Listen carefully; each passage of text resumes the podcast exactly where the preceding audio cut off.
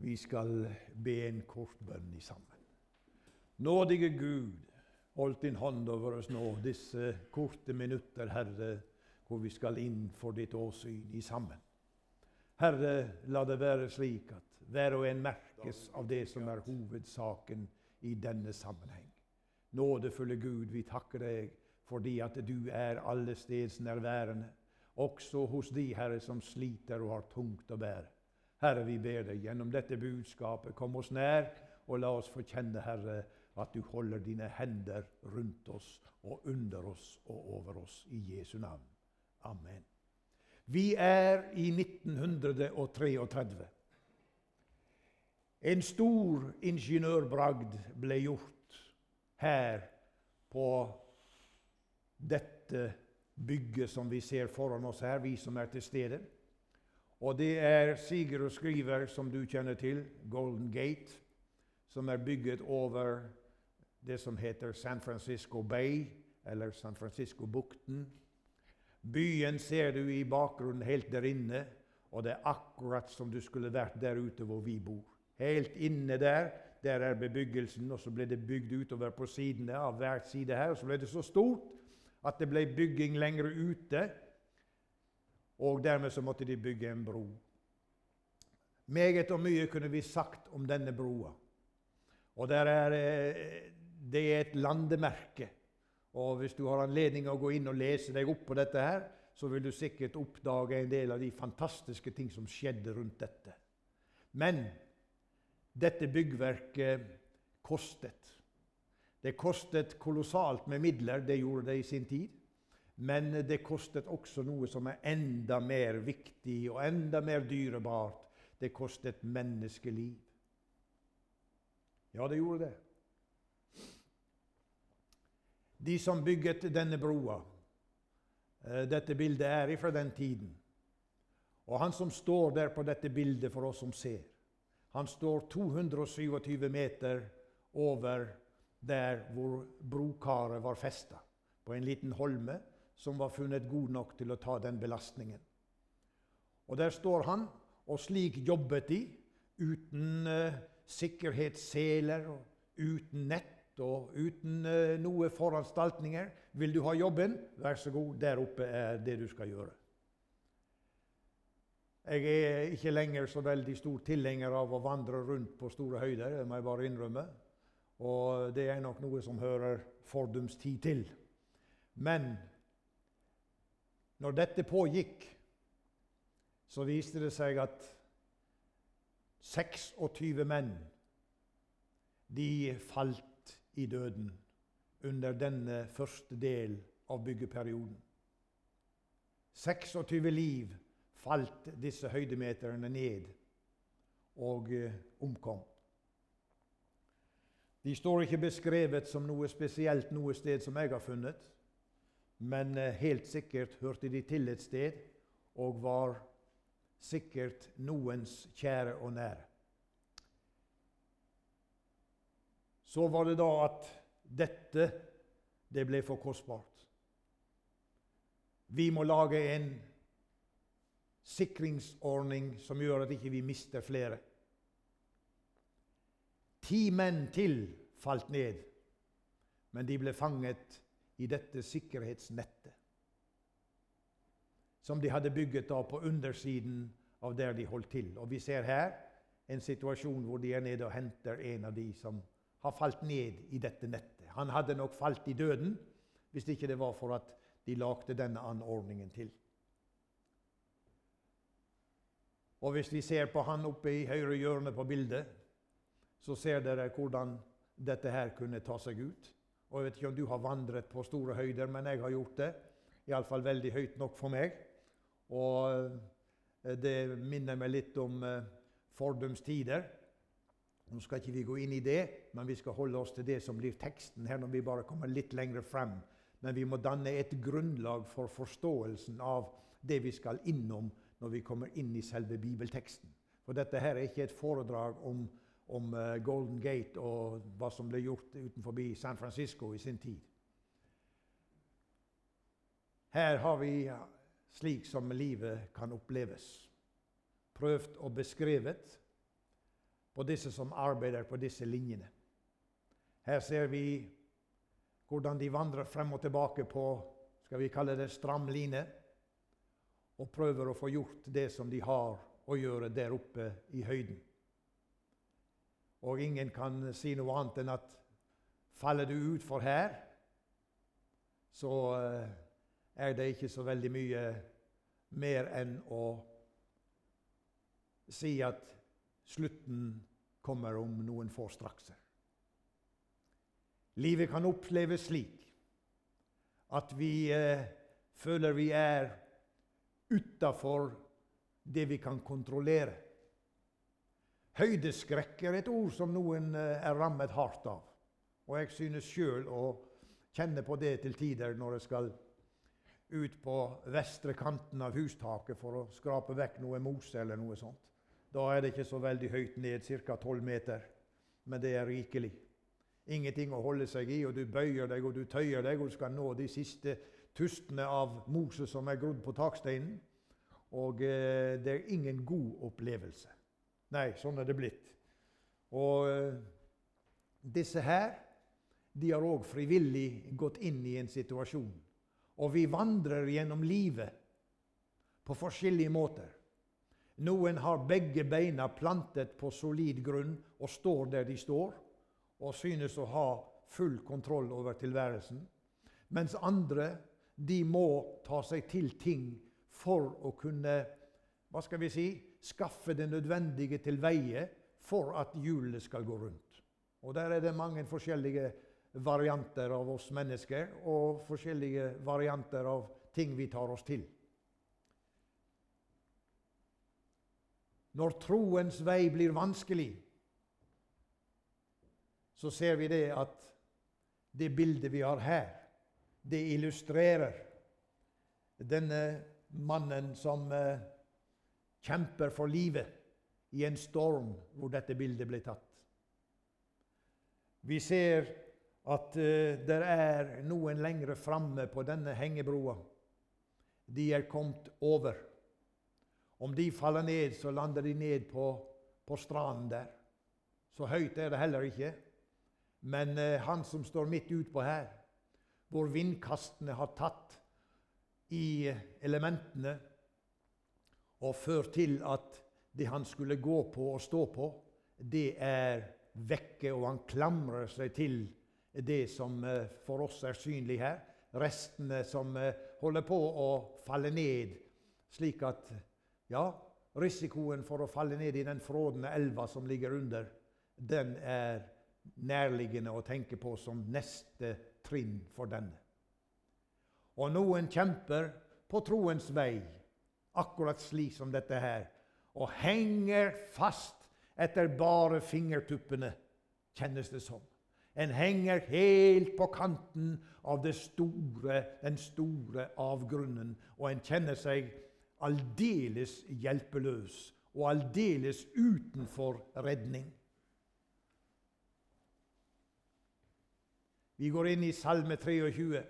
Der skriver David da han var i en situasjon som kan ligne litt på det vi har hatt for oss her nå. Men vi skal lese denne salmen i sammen. Herren er min hyrde, jeg mangler ikke noe. Han lar meg ligge i grønne enger. Han leder meg til vann der jeg finner hvile. Han gir meg nytt liv. Han fører meg på rettferdighetsstier for sitt navns skyld.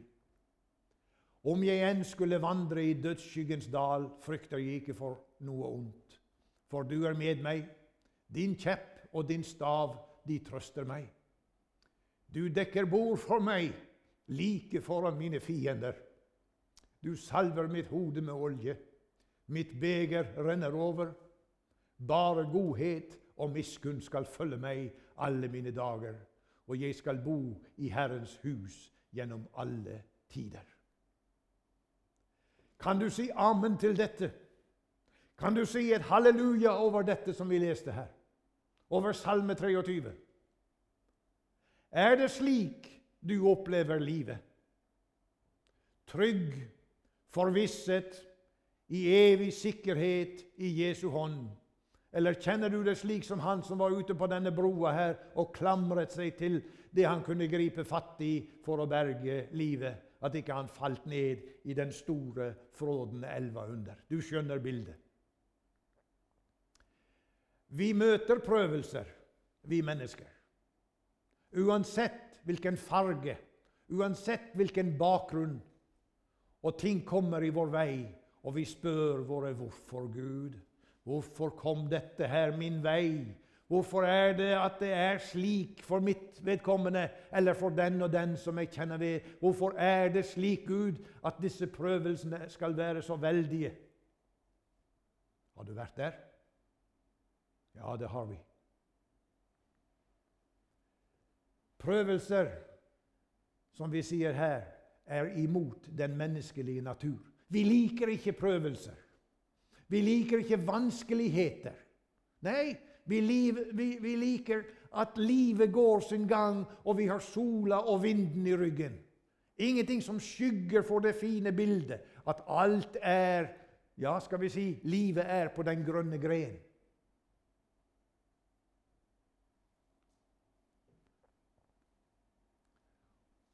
Da vi var her på sist møte, og vi sang denne sangen Hvilken venn vi har i Jesus. Så satt jeg her med to av barnebarna satt ved siden av. Og så bøyde jeg meg ned til han ene og så sa jeg inn i øret hans dette er morfar sin sang. Hvilken venn vi har i Jesus. Noe av den sangen har denne teksten her. Tyngste byrde han oss letter når i bønn til ham vi går. Er det min erfaring? Er det din erfaring? Du trenger ikke svare meg. Tyngste byrde han oss letter når i bønn til ham vi går. Har du bedt over tid, over noe som er tungt og vanskelig? Har du vært inne i den situasjonen at når bønn blir til rop,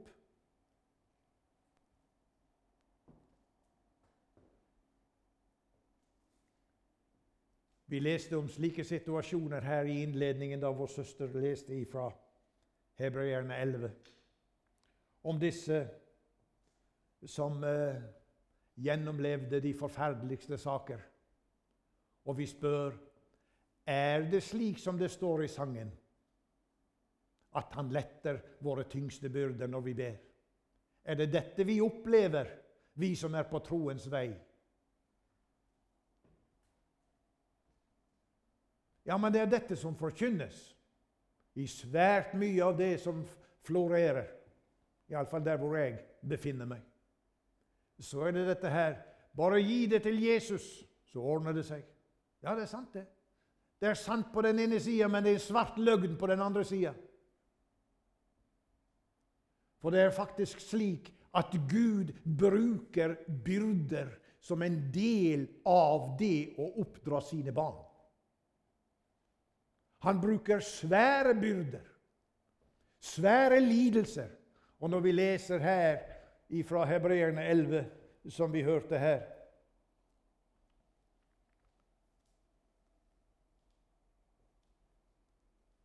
Så var det uten at noen kunne si det var ingen kamp. Jo, det var kamp. Det var kamp på liv og død. Det var kamp på liv og død.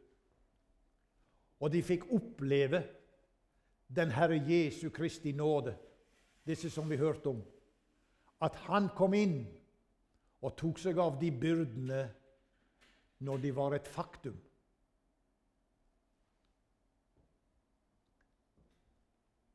Det sikreste du kan få oppleve, det er de bekymringer du tar deg på forhånd, sies det. Og det kjenner vi til. Det blir helt sikkert dårlig vær i morgen. Værmeldingene sier det.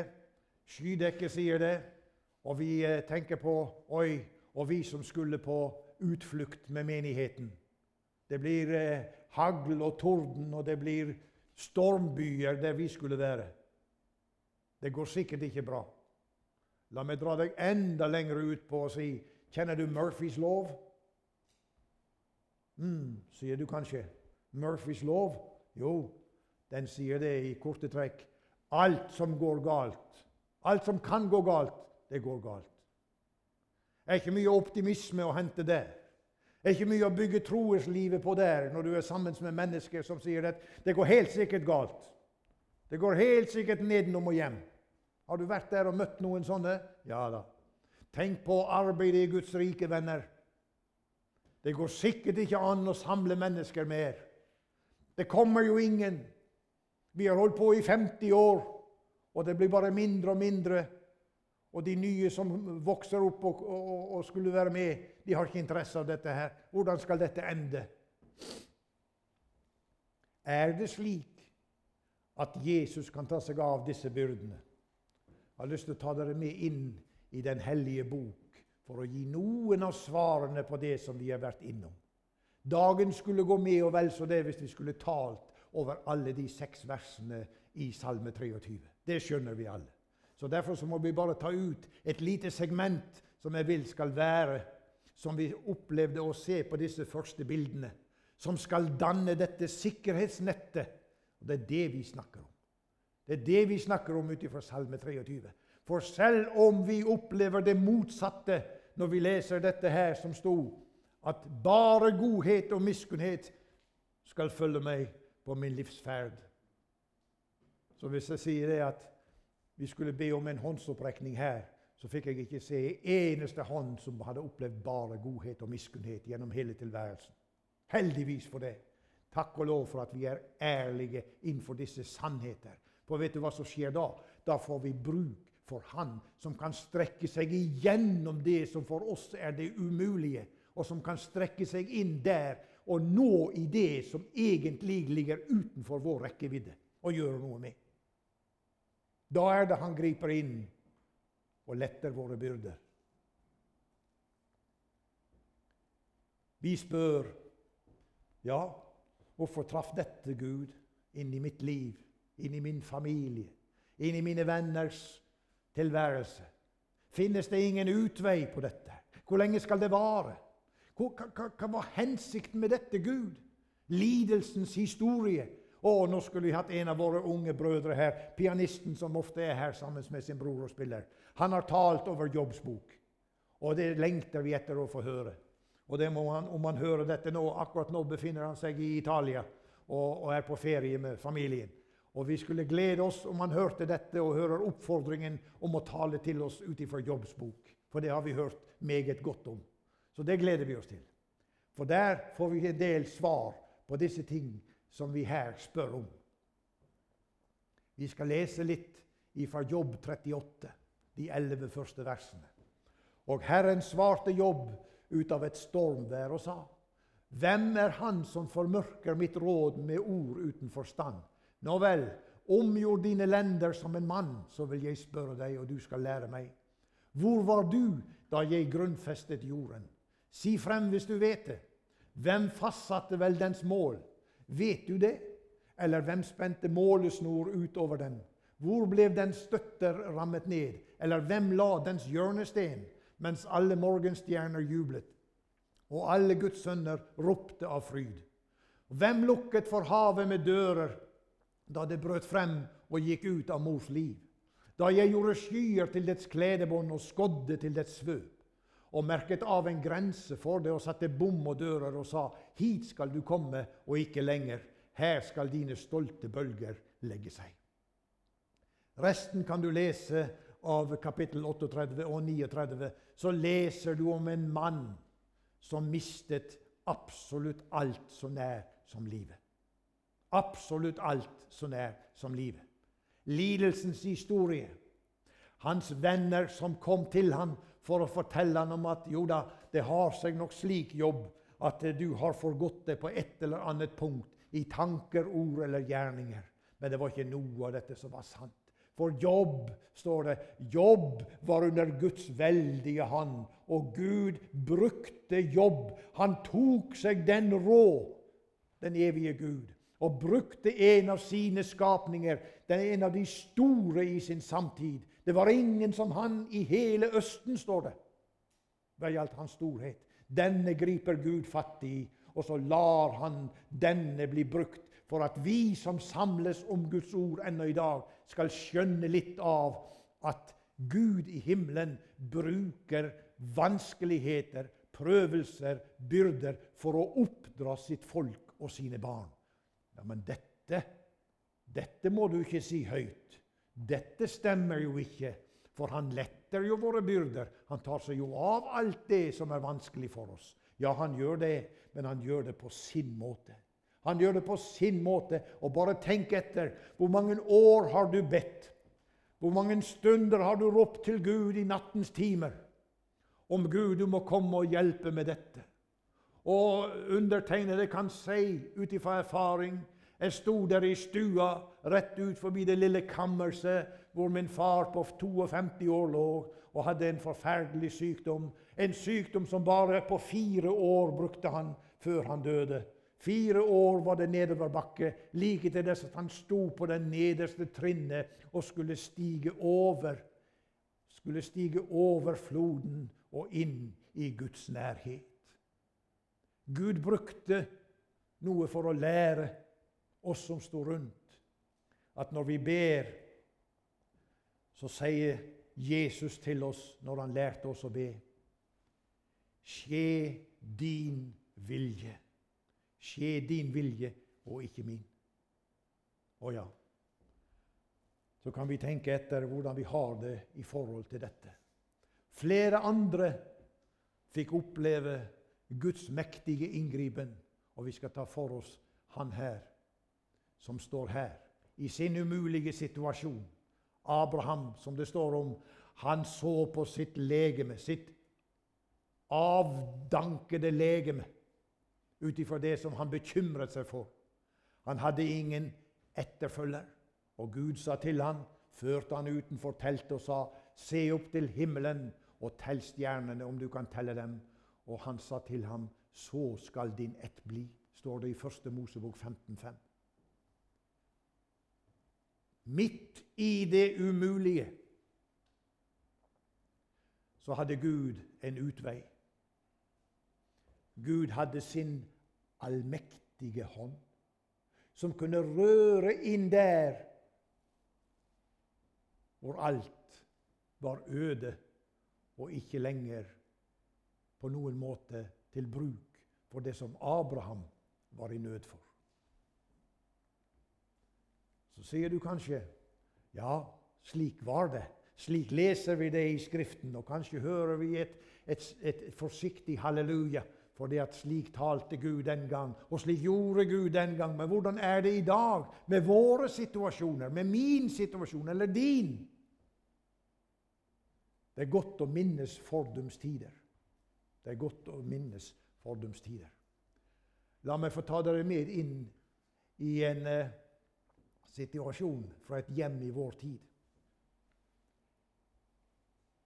Han var 23 år gammel, denne mannen. Og han uh, ble frelst. Salig frelst. Og han uh, fikk et kall fra Gud så når han var 26 år gammel, så var han i full tjeneste. Og i mellomtiden så var det dukket opp en medvandrerske. Den fineste og den kjekkeste av kvinner som var skapt av Gud, kom hans vei etter hans eget utseende. Og denne her situasjonen var begynnelsen på en familie. Og de var så glade. Og vi er så glade, vi som har slike imellom oss her, at de begynte å vokse i størrelser, og de ble større og større. Og vi venter i spenning, og vi lengter etter å se resultatene. Ja. Og vi er benådet i denne forsamling som har slike tilstander. Vi takker Gud for det. Og det slik var det her òg. De takket Gud for dette som de skulle få en dag skue med sitt øye men når øyeblikket kom, så var det ikke slik som de hadde håpet. I tjeneste for Gud. Unge, fremadstormende, pastor i en pinseforsamling. I det hele tatt hengivet til Gud. Og så kommer det en situasjon hvor dette barnet som fødes, får de beholde i åtte måneder. Og tapet, det er som en bunnløs fortvilelse. Vi har ikke så veldig mange ord på nettopp eh, den slags følelser, men en bunnløs fortvilelse over dette. Hva førte dette til? Det førte til at begge disse to ble ydmyket under Guds veldige hånd fordi de måtte innrette seg på det som var så ubehagelig for kjødet. Og ta inn over seg det at Gud visste best. Og denne lille, som bare fikk åtte måneder i sammen med sine foreldre, ble forfremmet til herligheten. Og hva grunn Gud hadde for det, det får vi ikke vite før vi er der framme. Da kan vi lete de fram der i den store, hvite skaret og finne de der, og kanskje få et svar på dette. Det blir ubetydelig å gå videre inn i den detaljen her i dette møtet. Men det som er, det er det at Gud vet best. Gud vet hvorfor han legger byrder på sine. Gud vet at dette er et remedium som han bruker for å få sine til å vandre på den veien som han hadde tenkt. Han bruker dette. Og hva sier Skriften om dette? Jo, Skriften sier det at han hudstryker hver sønn han tar seg av. Han hudstryker. Og vi kan bare forestille oss hva det egentlig betyr i åndelig overført betydning. Det skal høre med til historien, og han har fortalt det, for han har skrevet dette. De henga seg til Gud i sin fortvilelse. Og de fikk oppleve De fikk syv barn senere, så de ble en, de ble en stor familie med barn som hørte til Herren, og som Herren ville lede på sine veier. Jeg skal stanse fortellingen om denne familien her, fordi at himmelen var ikke skyfri. Det kom skyer på deres himmel i etterkant av dette. Men de lærte å sette sin lit til Gud. Du, Gud, vet best. Du, Gud, vet best. Smak litt på disse ordene når du kommer hjem og du kommer inn i, neste uke. Du, Gud, vet best. Er neimen ikke godt å fordøye for et menneske som har et hardt hjerte?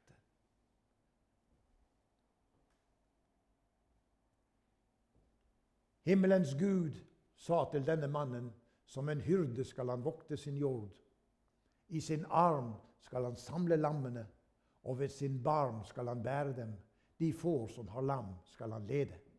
Dette fikk han ut ifra Isaias 40, vers 11. Gud skal lede. Gud skal ta seg av. Og denne vår broder, som sto i en rik tjeneste og i mange vekkelser her i dette landet, han ble forfremmet til herligheten vel vitende om at en dag skulle alle de sjeler som han hadde fått vunnet for Herren, da skulle han møte de igjen der hjemme for den store, hvite trone.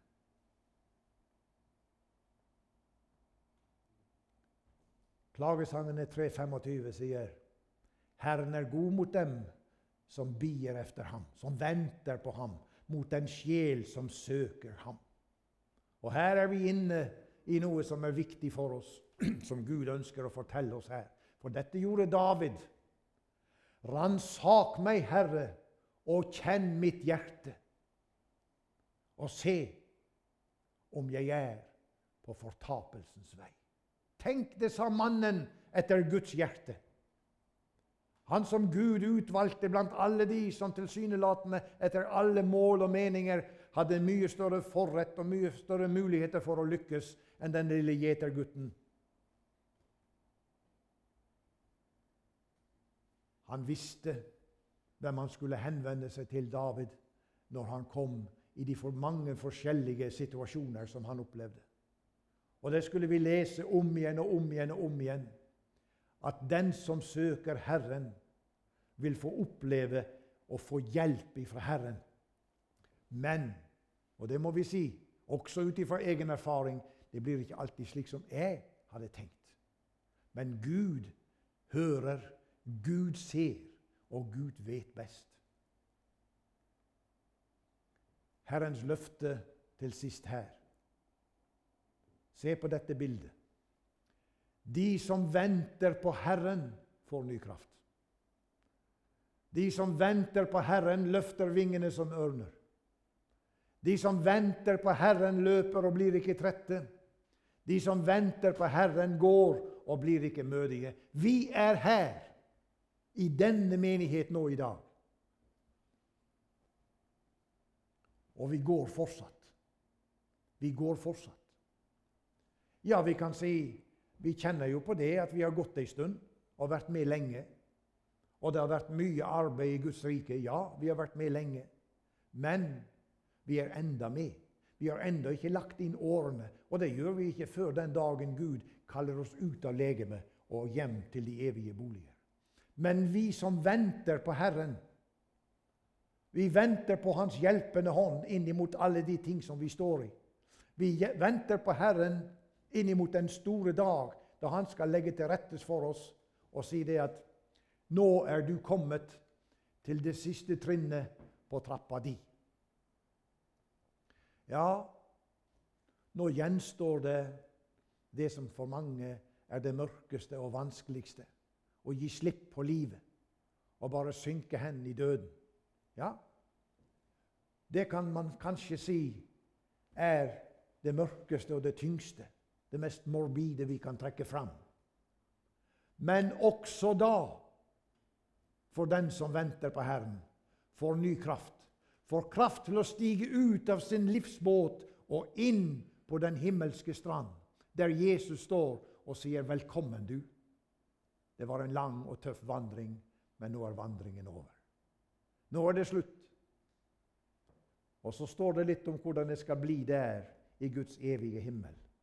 Det skal bli slik at Gud åpenbarer seg for sitt folk der på sin trone. Fordi at han, han har din og min situasjon. Ja, som vi synger i en sang, han har den hele vide verden i sin hånd. Gud er på tronen ennå. Og akkurat slik som du ser denne illustrasjonen her, dette bildet, så ser du det at han holder den hele verden i sin hånd. Og der er vi, i Guds hånd, også fremover.